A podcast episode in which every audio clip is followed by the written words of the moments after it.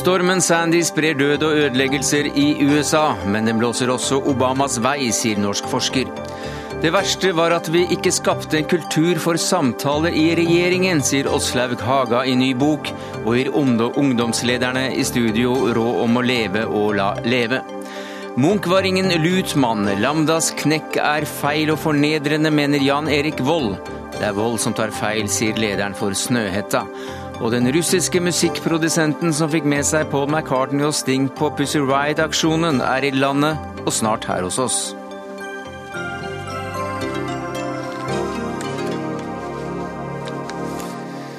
Ja, Det er noen av sakene i Dagsnytt 18 denne tirsdagen, der vi også får høre utenriksforskeren som mener at UD må ta klarere stilling i borgerkrigen i Syria. Men vi eh, begynner med orkanen Sandy, som eh, har tatt livet av minst 26 mennesker. Et tall mange mener vil stige, og i tillegg kommer da de store materielle ødeleggelsene. Hva er det du ser eh, der du er nå, Jon Gelius, NRKs utenrikskorrespondent i USA, på befaring i Washington DC? Jeg har nå vært rundt i flere sentrumsgater, og det er et nedslående syn som jeg møter meg mange steder. Jeg har akkurat vært ved et bolighus som er totalt smadret etter at et svært tre har falt gjennom hele huset. Eh, heldigvis for dem som bodde der, så var ingen av dem ble skadet eh, under eh, dette trefallet. Et kvartal unna holder man på å ta opp strømledninger. Mange titusener også i Washington er uten strøm. Langs den amerikanske østkysten nå så er det jo nesten over over sju millioner amerikanere som har mistet strømmen. Eh, så det er omfattende ødeleggelser som nå i all sin grufullhet går opp for amerikanere når det nå har kommet ut på dagen her i USA. Ja, Tall vi har fått tilsier ødeleggelser for mellom 100 og 250 milliarder kroner. Hvordan kommenterer myndighetene dette i USA nå? Ja, selv myndighetspersoner med, fra Obama og nedover til eh, guvernører i de ulike delstatene sier at dette er omfattende skader eh, etter stormens herjinger, og særlig fordi den førte med seg flom mange steder. Eh, altså I tillegg til disse mangfoldige trærne som falt over strømledninger og gjorde amerikanere strømløse, så ble det altså flom som eh, kom inn over mange kystbyer, også inn i New York. Eh, lammet store deler av den amerikanske østkysten i dag. Og det er klart at det gjør at skadeomfanget her vil jo bare stige utover når man nå etter hvert kommer til de stedene og ser hva egentlig både vannmassene og uh, trærne har medført av materielle skader. Dette var jo en svært godt varslet uh, katastrofe som, som rammet østkysten. Allikevel så er det altså antagelig flere titalls personer som har omkommet. Har de ikke hørt på myndighetene? Jo, det har de nok. Eh, husk på De evakuerte altså til sammen en halv million amerikanere fra de mest utsatte områdene i går. Eh, flere av de som er drept i løpet av eh, Sandys heiinger, de er kjenner at de var på bevegelse fra et sted til et annet, noen for å søke ly, og så kom det altså trær og falt over både biler og personer. Andre har mistet livet som følge av de voldsomme vannmassene som kom, men det er ingenting som tyder på at de ikke har vært med.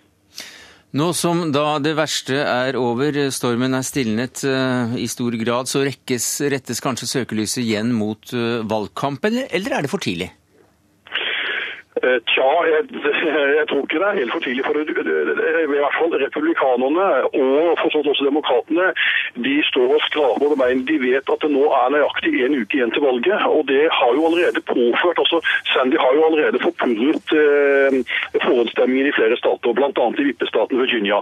De skulle vært forhåndsstemming både i går og i helga. Eh, flere valgkamparrangementer er avlyst, og særlig Mitt Romney har jo havnet i skyggen av Sandys heiinger. Han er i dag i vippestaten Ohio, og så har han gjort om et valgkamparrangement til et innsamlingsarrangement for ofre etter uværet. Eh, president Obama har avlyst alle sine valgkamparrangementer i morgen for å følge opp etterarbeidet av Sandy. Men jeg tror så smått det kommer i gang igjen i morgen, og på torsdag tror jeg det er full rulle igjen. Det er så mye som står på spill nå, særlig for republikanerne etter eh, stormen Sandys herjinger. Eh, og nå går, nå, nå går, klokka raskere for dem begge, begge, to. Og det kan også få påvirkning på selve valgdagen, fordi det er klart at noen delstater sier nå at kanskje må vi utvide åpningstidene på valgdagen som følge av uværet. Eh, og at det ble forpurret på forhåndsstemming. og Da kan det bli ulike åpningstider og lukningstider for de ulike delstatene, som igjen kan påvirke et utfall.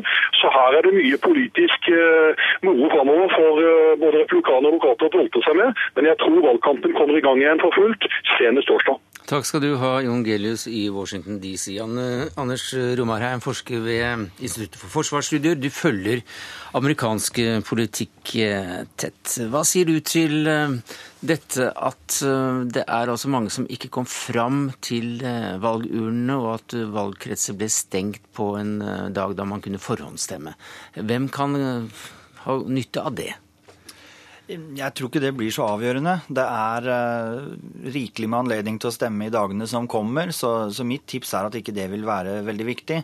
Uh, men hvis noen tjener litt på det, så vil jeg anta det er Obama som uh, har en knapp ledelse i viktige vippestater nå. Det har vært forhåndsstemt en del i Ohio, og alt det har foregått mens han har leda, og det er jo nå den mest kompetitive vippestaten i valget. Ja, Hvilke andre faktorer kan kan gjøre at eh, denne vinden har eh, ført folk fram, eller at man har kommet litt i motvind?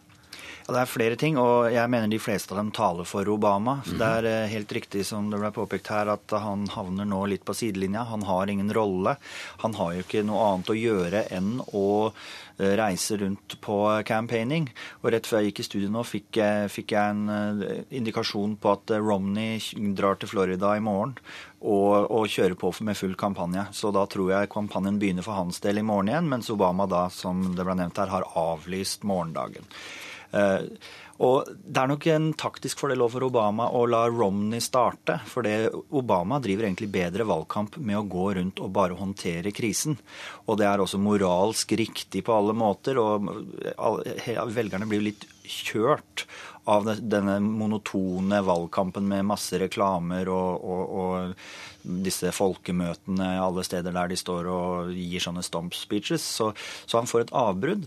Og i tillegg så har han jo en veldig god innbytter, Bill Clinton, som har steppet inn på noen av arrangementene nå eh, og, og gjort jobben. Og han var jo enda bedre på landsmøtet enn det Obama var. Og Romney har ingen erstatter av den typen han kan lene seg på. Så Obama kan være en statsmann i en eh, krise?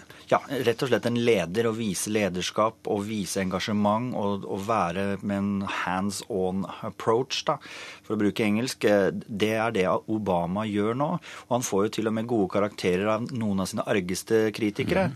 New Jersey-guvernør Chris Christie, som var en av de spisseste mot Obama på republikanernes landsmøte, han sier 'outstanding', en utmerket jobb så langt av Obama. Men det er også et, et faremoment her. for hvis han snubler utover i håndteringen av dette, så, eh, så blir det skjebnesvangert. Ja, for vi hører jo om demninger som har uh, sprunget lekk, og, og, tre byer skal være oversvømmet totalt etc. etc. Og det kan vel også peke på at dette burde vært forutsett og, og håndtert av, av, staten på en annen måte? Det finnes det en mulighet for. Men det er ganske kort tid til valget. Eh, så jeg, jeg, personlig er eh, skeptisk til om eh, særlig mye kritikk mot Obama rekker å komme ut og rekker å påvirke velgerne innen valget. Jeg tror inntrykket av han som tar ansvar og er lederen i en mørk stund for nasjonen, her snakker vi om mange døde mennesker, det tror jeg er et inntrykk som det blir vanskelig å slette ut innen valgdagen. Du, det er flere som, eh, som melder seg, bl.a. Reuters, uh, om at det er en reell fare for valgkaos. Og vi hørte også uh, Gelius her snakke om utsettelser av i hvert fall at man drøyer og utsetter valg, om ikke hele valgdagen, så i hvert fall tidspunktene. Ja, jeg, jeg, tror ikke det kommer til å skje. Det er så sensitivt å, å, gjøre den typen ting at jeg tror man vil strekke seg så langt som mulig og, og hjelpe hverandre i ulike valgkretser for å få dette resultatet inn på dagen. Og Vi husker jo 2000-valget, da man ikke klarte å kåre en vinner samme dag. Det blei veldig tilspisset, og, og jeg tror man vil gjøre mye for å unngå det. Eh, Bush han eh, fikk jo veldig sterk kritikk for eh, håndteringen av katastrofen når det gjaldt denne forrige store orkanen som traff sørkysten. Hva var det han gjorde feil, og som nå ikke Obama gjør igjen? Bush var, var, ikke på. Obama har jo kastet alt annet og gått inn i saken, eh, vist tydelig lederskap fra start. Eh, og det det er alfa og omega, og han er jo i en posisjon til å gjøre det. For han har jo ingen annen agenda enn valgkamp denne uka. Så det står ikke statsledere på vei inn og, som han må gjøre. Og det skjer ikke ting i Kongressen. Det er valg i USA. Suspenderer han valgkampen, så har Obama 24 timer i døgnet til å være den som tar denne krisen og håndterer den på det absolutte toppnivået. Og de som nå har mistet strømmen, de er ikke forbanna på Obama nødvendigvis? Jeg tror ikke det. Jeg, jeg, tror ikke det. Det vil vise seg, og det vil alltid komme noen uh, historier. Men det som skjer her, er at klokka går mens Obama har en knapp ledelse. Og så lenge klokka tikker og går, og du ligger an til akkurat å vinne, så mener jeg klokka jobber for deg. og det er det er sånn jeg tolker Obamas situasjon akkurat nå. Takk skal du ha, Anders Romarheim, forsker ved IFS. Hør Dagsnytt 18 når du vil, på nettradio eller som podkast. nrk.no – dagsnytt 18.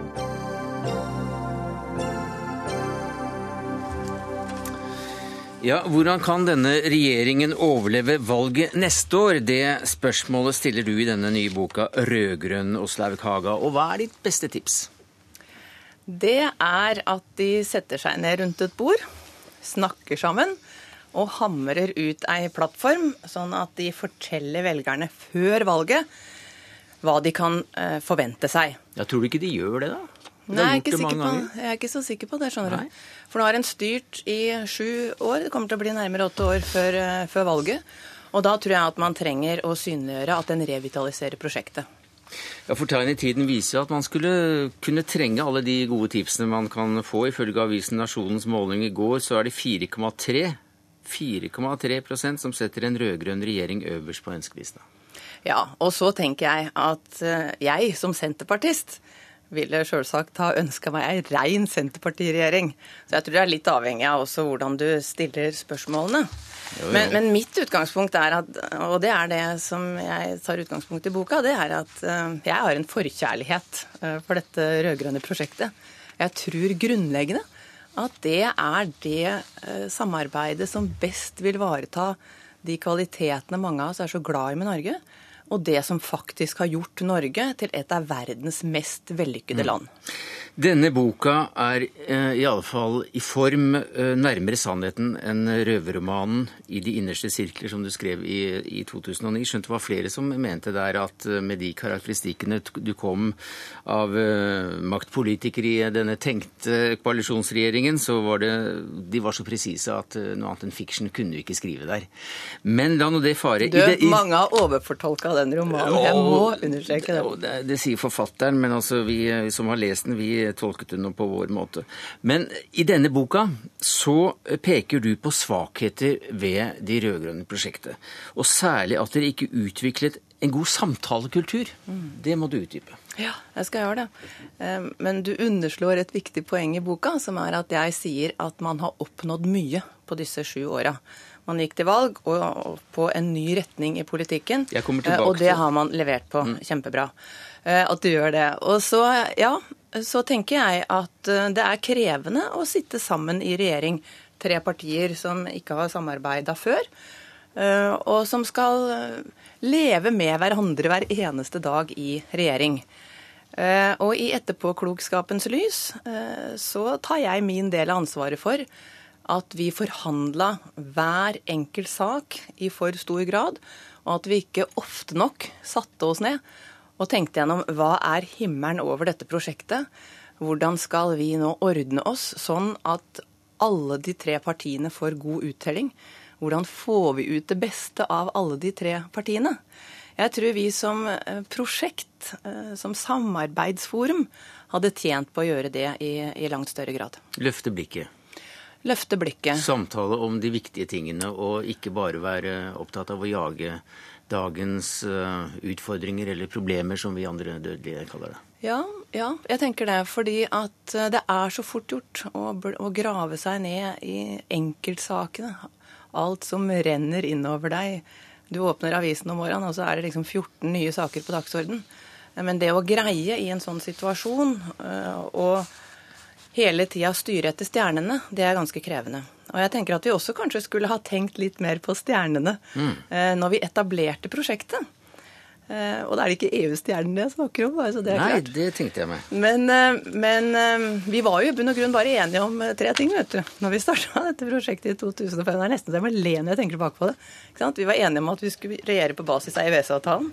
Mm. At vi skulle ha Nato-medlemskap som utgangspunkt, og at vi skulle ha skattenivå fra 2004. Utover det så hadde vi et mantra. Eh, Og det var eh, velferd framfor skattelette.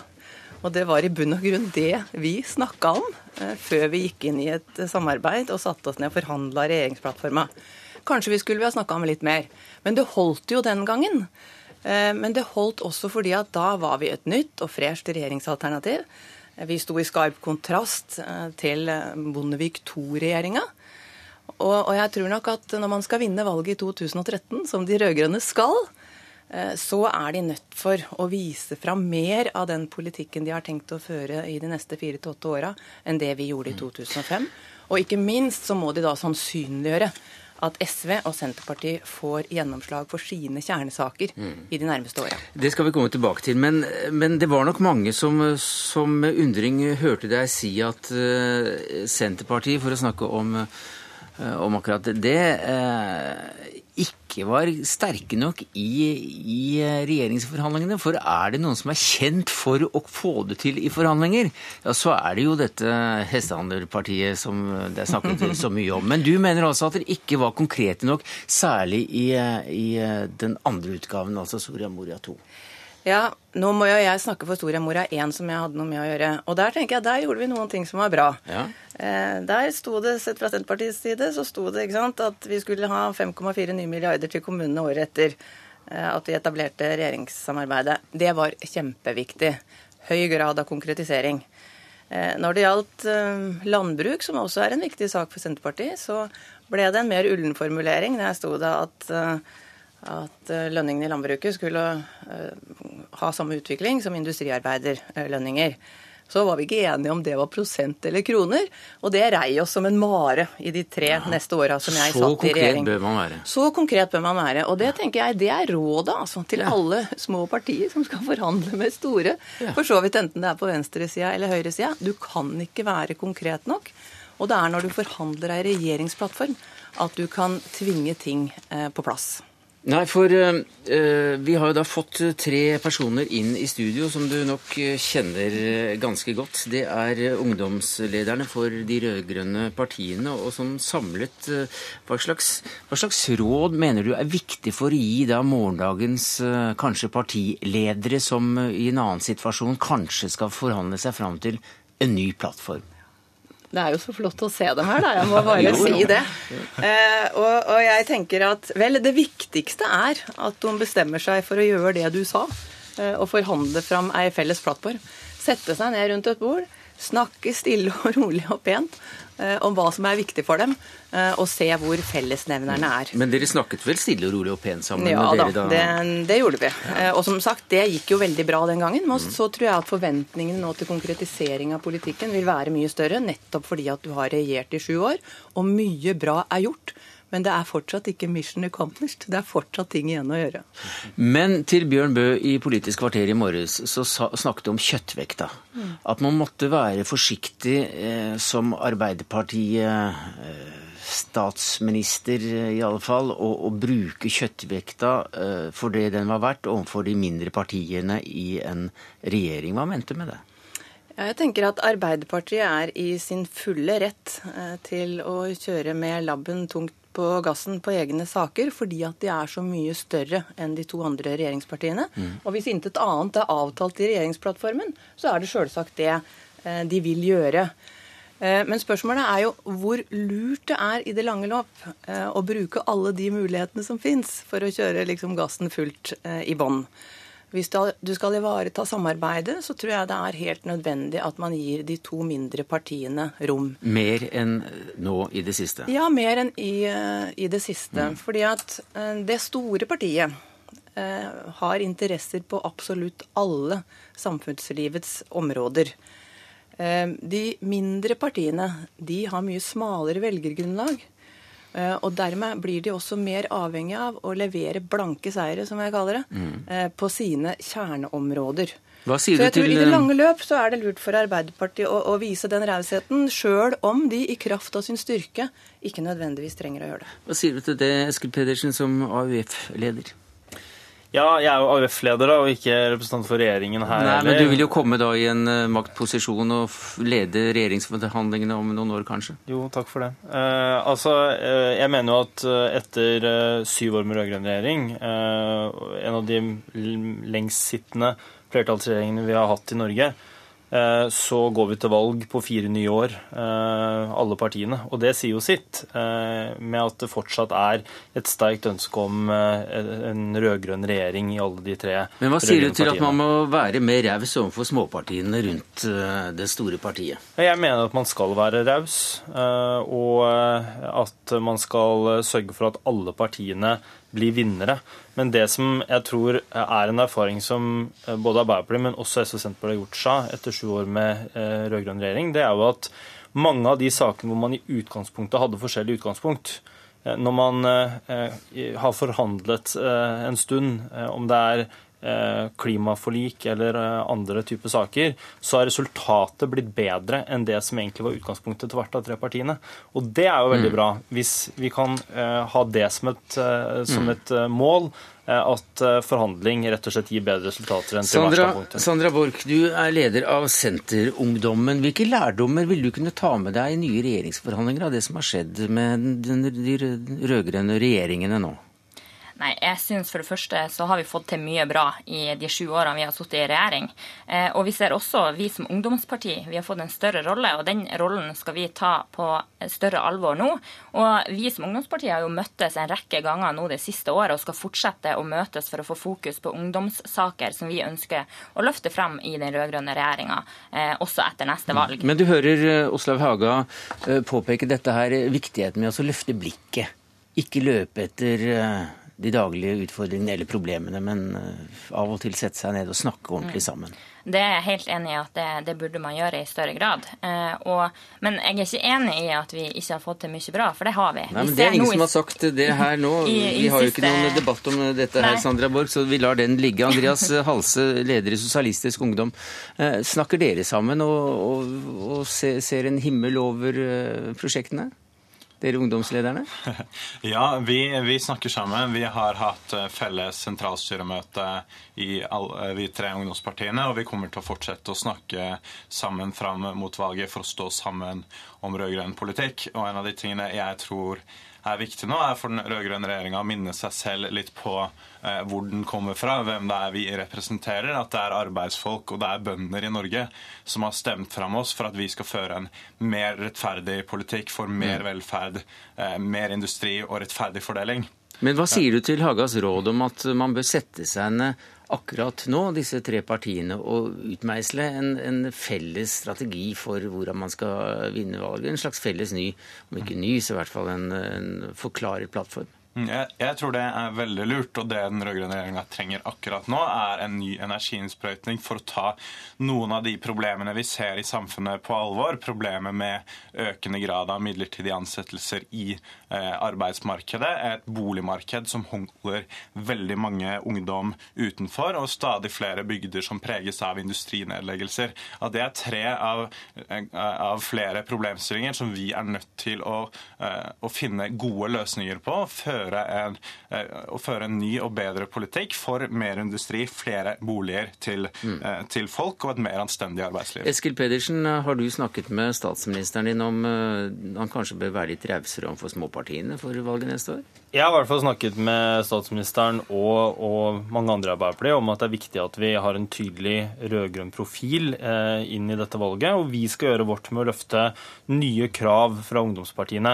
Men så er det noe med at eh, når eh, vi eh, dannet regjering, så hadde vi ikke full barnehagedekning. Det vi, eh, og det var entusiasme når vi gjennomførte det løftet.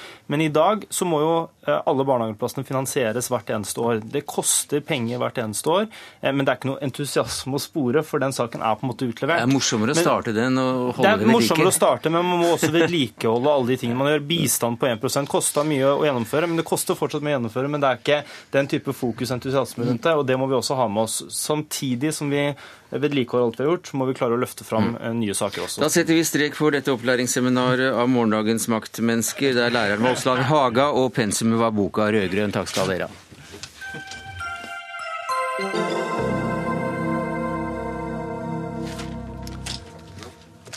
Selv om de ikke fengsler oss, har vi ikke tapt. Selv om de fengsler oss, har vi ikke tapt. Det var overskriften på et seminar på Nobels fredssenter for ytringsfriheten i Russland. Flere fra feministpunk-kollektivet Pussy Riot var til stede, deriblant Aleksandr Tsjeparukin, den russiske stjernemusikkprodusenten som ledet den internasjonale kampanjen for Pussy Riot, som også da fikk folk som Paul McCartney, Patti Smith og Stings støtte. Welcome to Dagsnytt 18. Hello. Even though uh, they put us in jail, we have not lost, was the headliner for the seminar. Can you describe the battle uh, in Russia from your point of view? Oh, it's a very long story, of course, to describe the whole battle in Russia. But I think what's going on now, that uh, Putin and his um, close core of advisors and you know people who rule the country, they realized somehow that it's no opportunity for dialogue anymore, or they um, just uh, refused from any attempts for dialogue with those who don't like Putin's power. Mm. Uh, when I say they refused from dialogue, I, I, mean that Medvedev, anyway, he, he tried to be in kind of dialogue. At least he expressed this very behavior to be in dialogue. Now it's over, and they started a very rude uh, manner of behavior with, with opposition, mm. like uh, falsifying uh, uh, films uh, shown on uh, central channels of Russian TV are telling that opposition is enem enemies, agents of foreign states, you know, that they are paid, that they are their will is to destroy the country. And actually, the very beginning of this politics, um, um, it, it, was a speech of Putin after his election as a president. Mm. Instead of trying to convince people that he would be president for everybody, he said those who pretend to be for progress and for changes and don't like our power. In fact, they are people who want to split Russia and to you know to damage whatever. So this is uh, caused this caused a lot of uh, recent things like uh, accusations of leaders and like uh, fantastic crimes, you know, putting them to jail, mm. and uh, uh the terrible activity of state propaganda. Mm. Statlig propaganda, ingen dialog og uh, direkte løgner om opposisjonen, uh, vilkårlige fengslinger etc., etc. Men denne mannen som da altså her er som taler for Pussy Rights, han mener også at situasjonen i dag faktisk er like eller mer undertrykkende enn under sovjetperioden. You described the situation today as uh, more suppressing than during the Soviet period. In, in, what way? First of all, you should realize that I mean about my Soviet Union when I, uh, you know, was. Uh, a young person and then more or less adult person. Uh, I mean, late Brezhnev Soviet Union and uh, of course Gorbachev Soviet Union. Perestroika and yeah, and, and, and okay. of course uh, Perestroika time. so late, it was not the Stalin. Uh, the, the, late, period. yes, the late. Of course, I, I, I, don't try to do historical analysis. I, I, I just speak about my feeling. Okay. It's interesting that very. Uh, radical critic of Putin's regime, Artyom Troitsky, who is just three years uh, older than me, yesterday in the seminar, he also said that, you know, definitely Soviet Union was not that unfair and criminal country as uh, Putin's Russia right now. In Soviet Union we had a pretty understandable ideology. It was written in constitution. Mm. Uh, by law, you could not promote values of capitalist society because capitalist society considered as uh, evil by constitution. You, you, you, could not question the very essence of uh, communist socialist rule. So, and it was understandable. And now the only ideology is the, you do whatever you want, but don't touch our power. And just now they started. I mean, the power started to try to uh, invent kind of ideology, and this ideology is like getting back to the Tsarist time and to find mm-hmm. kind of sacral fundament for Putin's uh, authoritarian regime, which means trying to use Orthodox Church and all this Orthodox culture to say that Putin is our mm. kind of czar. And that's uh, where Putin uh, writes. That, that's what they disclosed. That what disclosed. they. It was very very acute point, and and they kind of disclosed this very problem in a very aggressive and in a very shocking manner. Han mener også da at eh, Putin eller regimet nå er i ferd med å lage seg en helt eh, ny ideologi, og litt tilbake til tsartiden, med sterke bånd da også til den katolske kirke, den ikke katolske, men den russisk-ortodokse kirken med patriarken på toppen. Gunnar Ekløve Slydal, du er assisterende generalsekretær i den norske Helsingfors-komiteen. De to dømte de er i, i, av de Pussy Riot-medlemmene. De sitter nå i en beryktet fangeleir. Hva vet du om dette? Nei, de sitter i en eh, som du sier, berykta fangeleir eh, langt fra Moskva, eh, sammen med tunge kriminelle. Mm. Vi har også hørt at den ene sona med personer som er dømt for mord på, på journalister. Så det skaper ekstra uro også begrensa tilgang til litteratur osv. Så, videre. så det er, et, det er et tøft regime. Hva synes du om denne Pussy Rights-aksjonen? Eh, selve aksjonen kan jo oppfattes som provoserende eh, inne i en kirke. Men, jo, jo, det kan men du, du som Den er beskytta av ytringsfriheten langt på vei.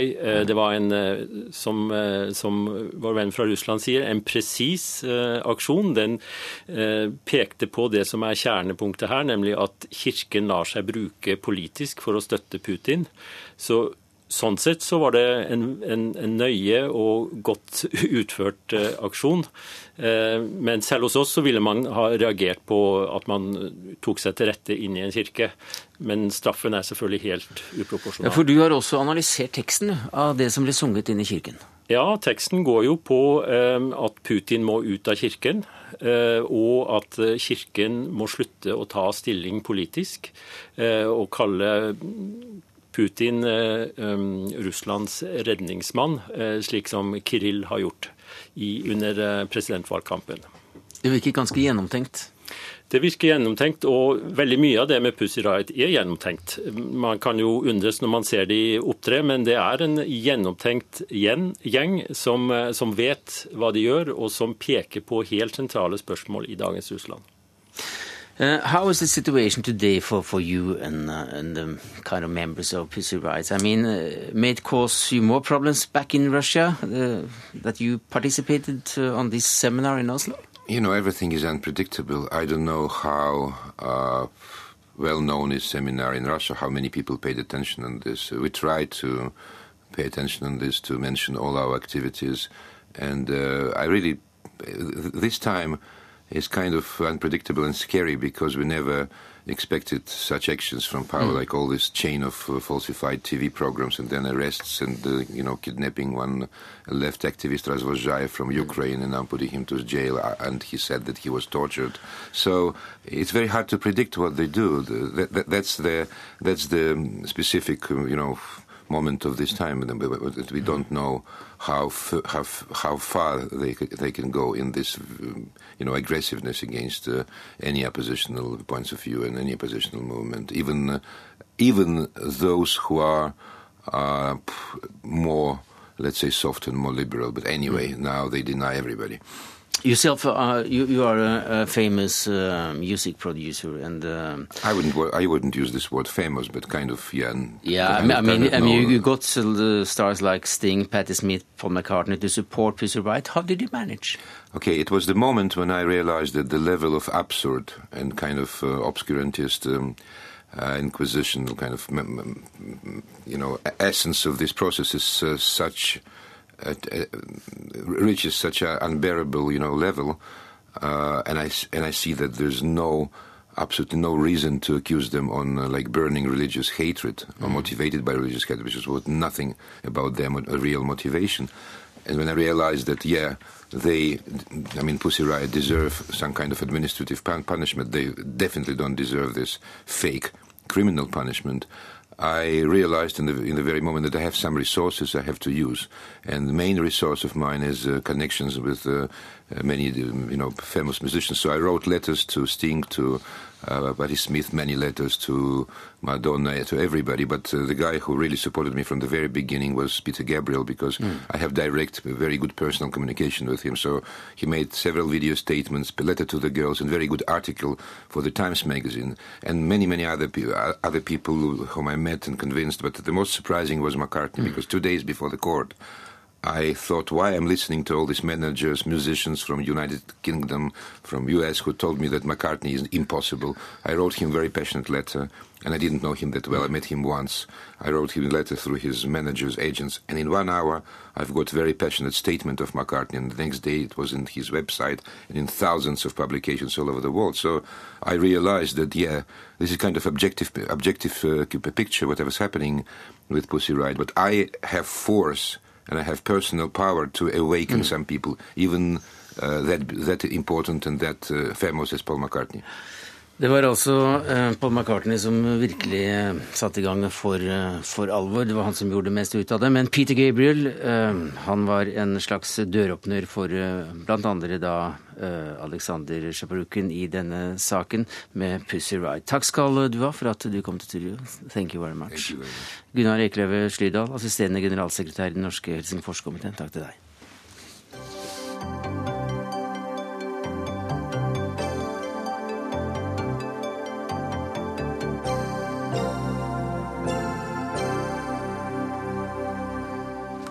Vi skal til problemet fra helvete, for å sitere tittelen på Aftenposten-kronikken til to NUPI-forskere i dag. For der tar Frida Nome og Henrik Thune for seg tre alternative løsninger på konflikten i Syria.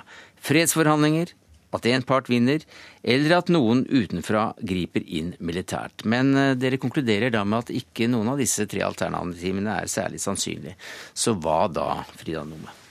Nei, da mener jeg at eh, altså, Nå er situasjonen i Syria sånn at uh, begge parter tror uh, de kan med tid og stunder slå den andre. Uh, mens man ser at det er, det er en, en, stillstand i, i, altså i, i, hvordan partene forholder seg til hverandre. Det er ingen som, som har noe reell framgang. Det er frem, altså, sitt tilbakeslag hele tiden. Så jeg mener at for å, å kunne bidra til å, å, endre denne balansen, er man nødt til å være tydelig på å støtte opposisjonen. Hvor vanskelig det nå enn er. For det er sånn at I Syria så har det, altså et av de største problemene som opposisjonen har møtt, er at det ikke har vært noe organisert sivilt samfunn i Syria eh, under Assad. Så dermed har man hatt store problemer med å samle opposisjonen, og, og, den har blitt mer og mer fragmentert også langs sekteriske linjer. Ja, Dere etterlyser også en, en klarere støtte også fra norske myndigheters side. Hvordan, eh, I hvilken form skulle den komme? Eh, det kunne komme i form av eh, altså en mer tydelig uttalt støtte, spesielt da til forsøk for å samle opposisjonen, som man har sett en del initiativer til. Eh, og det kunne komme i form av eh, å bidra til eh, institusjonsbygging, bl.a. i områder som, som, nå er delvis under opprørers kontroll. Um, man kunne bidratt, altså Norge har erfaring som tilrettelegger til dialog. Man kunne bidratt også som en mer nøytral part enn veldig mange av de andre aktørene mm. i dette. Også for å, for å, skape dialog mellom opposisjonsgrupper som, som står på mange måter veldig langt fra hverandre nå. Hva sier du til det, Torgeir Larsen, statssekretær i Utenriksdepartementet? Kunne dere vært klarere og gjort dermed en bedre innsats? Eh, Norge var eh, veldig tydelige for over et år siden om at eh, det sittende regimet i, Damaskus, Assad, ikke lenger har legitimitet til å styre videre, og må gå. Norge har også vært med å fasilitere for så vidt dialoger mellom altså opposisjonen Eh, men som Frida Nome sier, så, så, er det altså en situasjon i dag vil jeg si, som er enda mer uavklart på opposisjonssiden enn det var for ett år siden. Det er forferdelige voldsscener.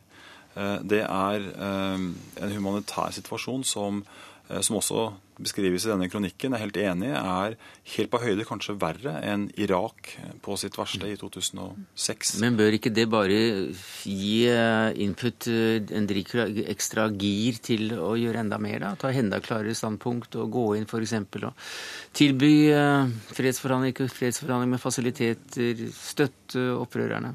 Det hadde vært så enkelt og så greit hvis bildet hadde vært svart og hvitt, og man hadde hatt en klar part å støtte og gå inn og hjelpe. Men sånn er det ikke.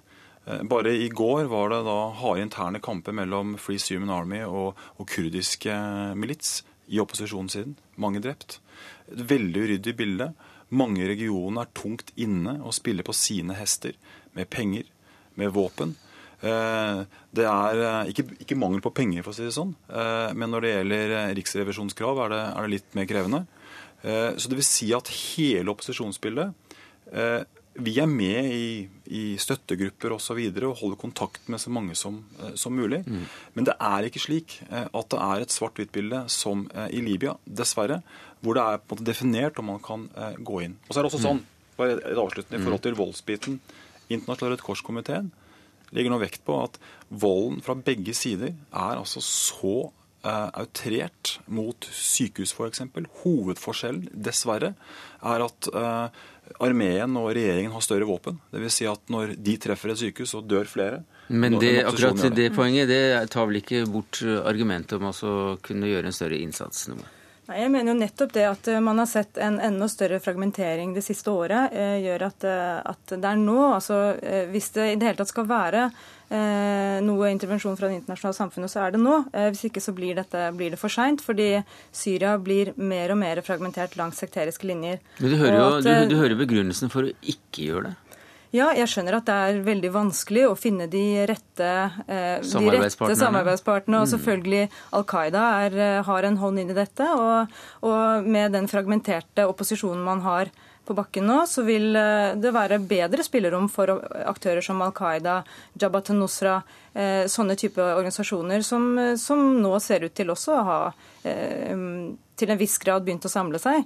Sånn at jeg tenker det, det gir et enda, burde gi en enda større press på, på Norge og det internasjonale samfunnet for å støtte de politiske aktørene som, eh, som, er mer demokratisk anlagte, selv om jeg ser helt klart det poenget at det er store menneskerettighetsbrudd også eh, fra den frie syriske hæren f.eks. Ja, det var jo noen menneskerettighetsbrudd eh, under Libya-kampanjen, eller hva dere kalte det også. Da. Sånn at dere er vel ikke helt fremmed for å støtte grupper som ikke vi helst vil vedkjenne oss i etterkant?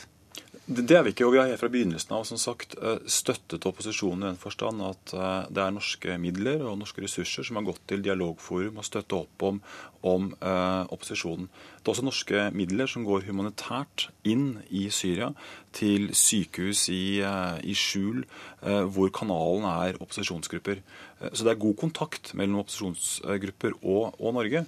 Men i dette store regionale spillet om på en måte hva opposisjonen eh, i da entall eh, mm. er og ikke er, eh, så har vi som Norge sagt at vi er med, vi støtter opp om. Men det for oss i den betente situasjonen å gjøre en stor forskjell i forhold til å bygge opp en opposisjonsgruppe eller ikke, der tror ikke vi at Norge er viktigst. Vi tror heller at vi kan gjøre en større forskjell på det humanitære området. Det gjelder også politisk, eh, for å ta initiativer som vi nå jobber med, for å verne om det humanitære prinsippet. Verne om, slå ring om, om sykehus, eh, helsepersonell osv. Det er det ene. Og det andre å bidra til f.eks. i Libanon eh, eh, å stabilisere slik at eh, ilden ikke brer seg eh, videre. Det tar ikke bort betydningen av opposisjonen, men erkjennelsen av at Norge i dette, denne sammenheng har klare begrensninger, den mm. tror jeg vi skal ikke glemme helt. Takk skal du ha, Torgeir Larsen, statssekretær i Utenriksdepartementet. Frida Nome, forsker ved Norsk utenrikspolitisk institutt og Menighetsfakultet.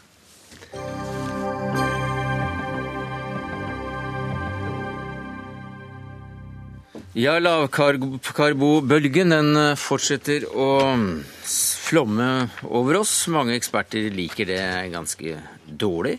Diettene går som kjent ut på å begrense mengden karbohydrater man spiser, og øker isteden inntaket av proteiner og fett. Og nå slår du alarm, Kjetil Retterstøl. Du er førsteamanuensis ved Universitetet i Oslo, overlege ved Lipid-klinikken på Rikshospitalet. Hvorfor det? Jo, vi ser i rapporten som heter 'Utvikling i norsk kosthold' at eh, andelen mettet folk i befolkningen eh, har økt fra 14 til 16% Og det er uheldig. Vi har liksom eh, jobbet i årevis for å få andelen av mettet fett ned. Og nå har den altså begynt å gå opp, ifølge disse tallene. Og eh, en av de viktige grunnene til at vi har hatt en fantastisk god utvikling når det gjelder hjerte-karsykdommer i Norge, en av de beste utviklingene i hele verden, 80% reduksjon i hjerte-karsykdommer i eh, Norge fra 1970 eh, til i dag, ja. når det gjelder yngre personer, eller opp til 65 år. da. så tror vi det skyldes at mettet fett, inntaket av mettet fett har blitt lavere. Men nå øker det altså, og da ser vi en annen Ja, da, da, da regner vi med at uh, hvis det fortsetter, så vil det være uheldig for folkehelsa vår. Erik Ekseberg, spesialist i indremedisin. Du tilhører da lavkarboentusiasten. Hva sier du til denne kritikken? Altså Dette er jo en spekulasjon fra Kjetil Rettestøl. Og det er jo eh, egentlig påtagelig at han nok en gang får lov til å slippe til med eh, denne typen udokumentert eh, skremselspropaganda. Eh, hvor han da kommer med en spekulasjon om at fordi eh, man spiser mer fett, så skulle man da få mer hjerte-karsykdom. Eh, og hvis man går til, selv til rapporten fra, kosthold, fra Ernæringsrådet fra 2011, så står det der at det er ingen holdepunkter for at et lavkarbokosthold skulle føre til mer hjerte- og karsykdom. Så hvorfor da den konklusjonen? Det, eh, jeg kjøper ikke det siste Heksberg sier der, fordi eh, det er helt klare anbefalinger eh, fra europeiske retningslinjer og fra norske retningslinjer. År etter år. Man kjemper for å få et lavere inntak av lavere fett. Lavere mettet, mettet fett. Så, så, så dette er gjentatt gang på gang, og, og det står fortsatt. Vi har selvfølgelig lite studier som viser at ved å øke kolesterolet til folk, så får du flere hjerte-karsykdommer. Fordi ingen vil jo være med på en studie hvor det er om å gjøre å se om du får mer hjerte-karsykdommer enn enn mindre. Men vi har motsatte studier som viser at det å redusere kolesterolet reduserer hjerte-karsykdommer.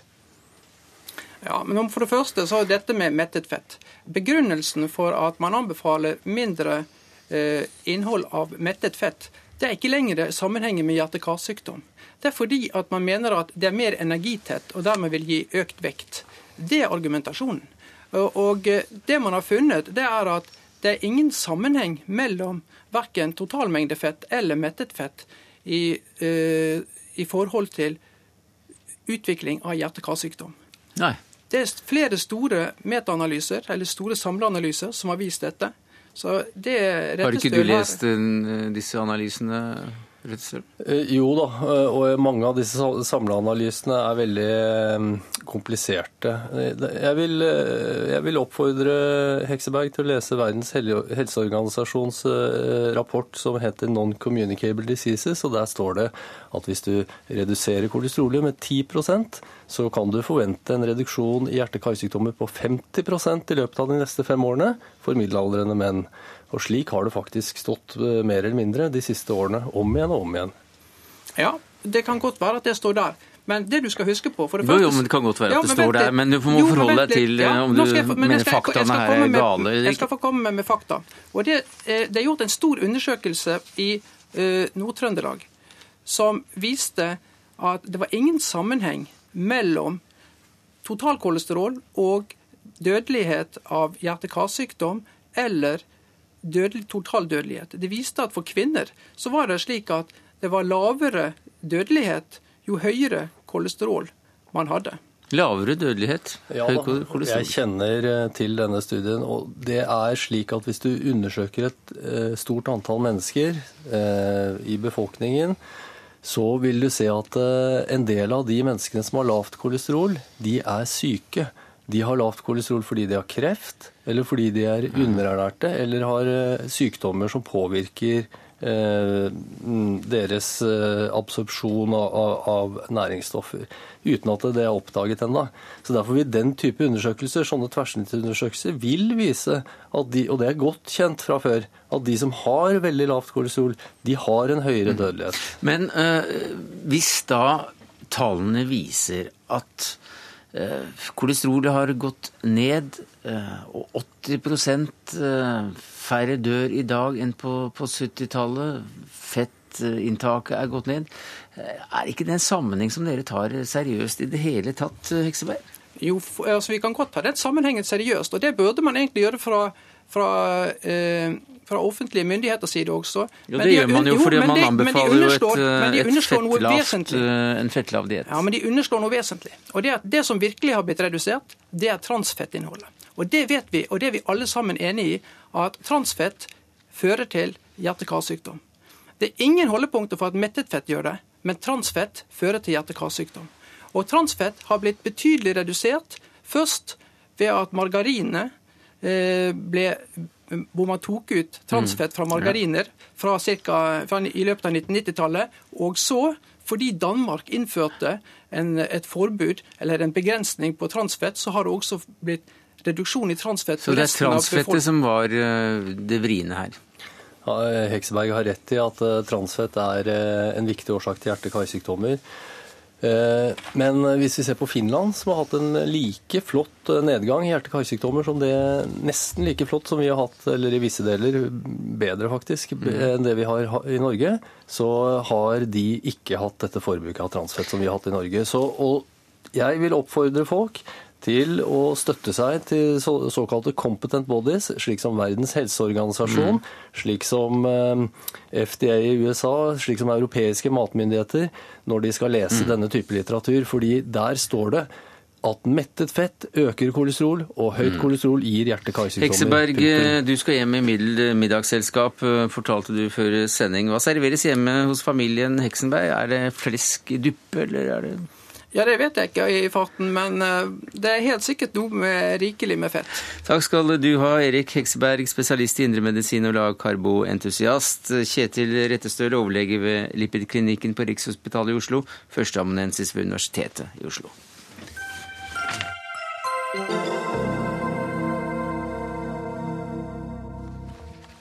Ikke alle er enige i eh, budskapet Leve Munch, bygg Lambda, som jo deler av et par-tre norske elite krevde da over 100 av dem toget fram med fakler og det hele i forrige uke. For du skriver i Klassekampen i dag at Lambda bygger på en misforstått og fornedrende oppfatning, Jan Erik Vold. Hvordan kan du si det? Arkitekten sier at det er basert på et foto han så av en krumbøyd uh, Edvard Munch. Og vi nordmenn vi har ikke noe bilde av noen kronbøyd Edvard Munch. Vi er veldig stolte av Edvard Munch av veldig mange grunner. Men han var stolt sjøl også, og stolt av seg sjøl.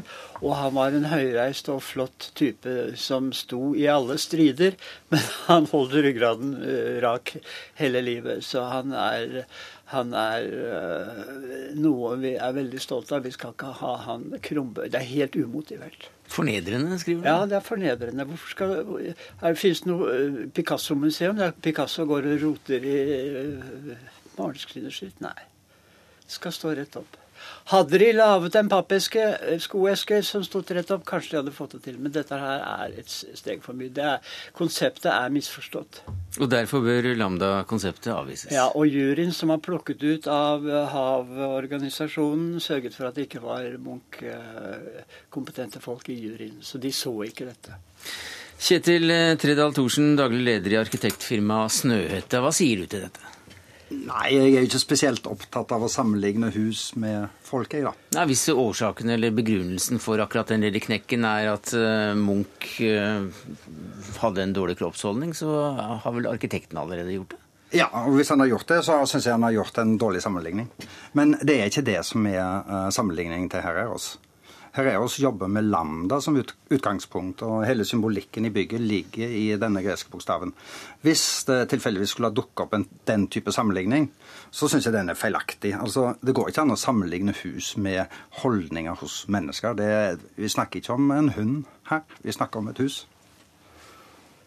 Arkitekten tok selv fram et foto på et uh, større møte på uh, sentrum uh, møtelokale i Oslo i 2010, og viste til et foto som han holdt i hånden og sa se her, her er han kronbøyd. Det har vært mitt mønster for det bygget. Så du kan si at vi skal ikke sammenligne, men han har gjort det, og når han har gjort det, så det bare gjør fornedringen ytterligere og mer bevisst. Nei og nei og nei. og nei. Nei, jeg har jo av og til sammenligna operaen med, med, et isfjell. Men det betyr ikke at jeg mener det for det. Altså, Det, er, det fins i populismens navn veldig ofte delelementer som trekkes ut i en oppheta debatt om delelementer når du skal forsvare noe. Men jeg er veldig uenig i at bygningen er krumbøyd. Den er jo rett og slett høyreist, og den har et nikk, som jeg har hørt flere har sagt. Så, men uansett Det er Kanskje jeg... det bare er et nikk? Nei, det var ikke det han mente. Nei, det var krumbøyd. Ja, Så man hadde forståelsen at det var bilde av Munch som gammel eller et eller annet. Men jeg syns det er en uinteressant debatt å diskutere hvorvidt huset er liggende på eieren sin. Som sagt, det er ikke en hund vi snakker om. Det som er viktig, er jo om vi får et Munch-museum, og om det kommer nå. Hvis det skal til på Tøyen, så må ny arkitektkonkurranse, vi må gjennom hele suppa igjen. Ingen sjanse å vite om at det blir bra. Eh, det kommer til å være uenighet igjen. Dette er måten å sikre et Munch-museum på nå. Og det er nå det må gjøres. Tomta er der, prosjektet er der. Det er gjennomført til punkt og prikke. Vi kjenner økonomien i det. Nå må det gjennomføres. Mm. Og nå går vi fra akkurat den der knekken og til den mer generelle debatten. Og la oss eh, fullføre akkurat den generelle debatten her, eh, Jan Erik Vold. For det er nå eller aldri. Vel, si hva du vil. Eh, Lambda er avvist av bystyret. Og så har man bedt om utredning av forskjellige eh, alternative løsninger.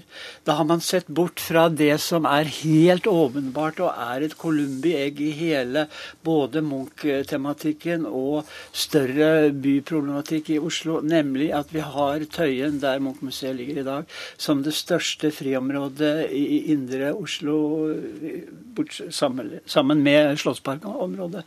Der var det eh, allerede en skisse til et Munch-bygg. Og så har vi Munch-museet som ligger der, og der var Alf Bø, den gamle Munch-direktørs kongetanke, var å lage et kultur- og, og, og, streifeområde der med de naturhistoriske museene, Botanisk hage, nye veksthus, opprette en utendørs skulpturpark. Og i tillegg, hvis man nå bygde et nytt Munch-museum der, så fikk man frigjort det gamle Munch-museet. Og da fikk kommunen gjort opp for noe av de største skjensler som Oslo kommune har gjort, nemlig å ikke skaffe Rolf Stenersen et eget museum de 75 år som er gått siden han ga byen alle disse fantastiske bildene. Da kan de legge mm. Stenersen-museet der.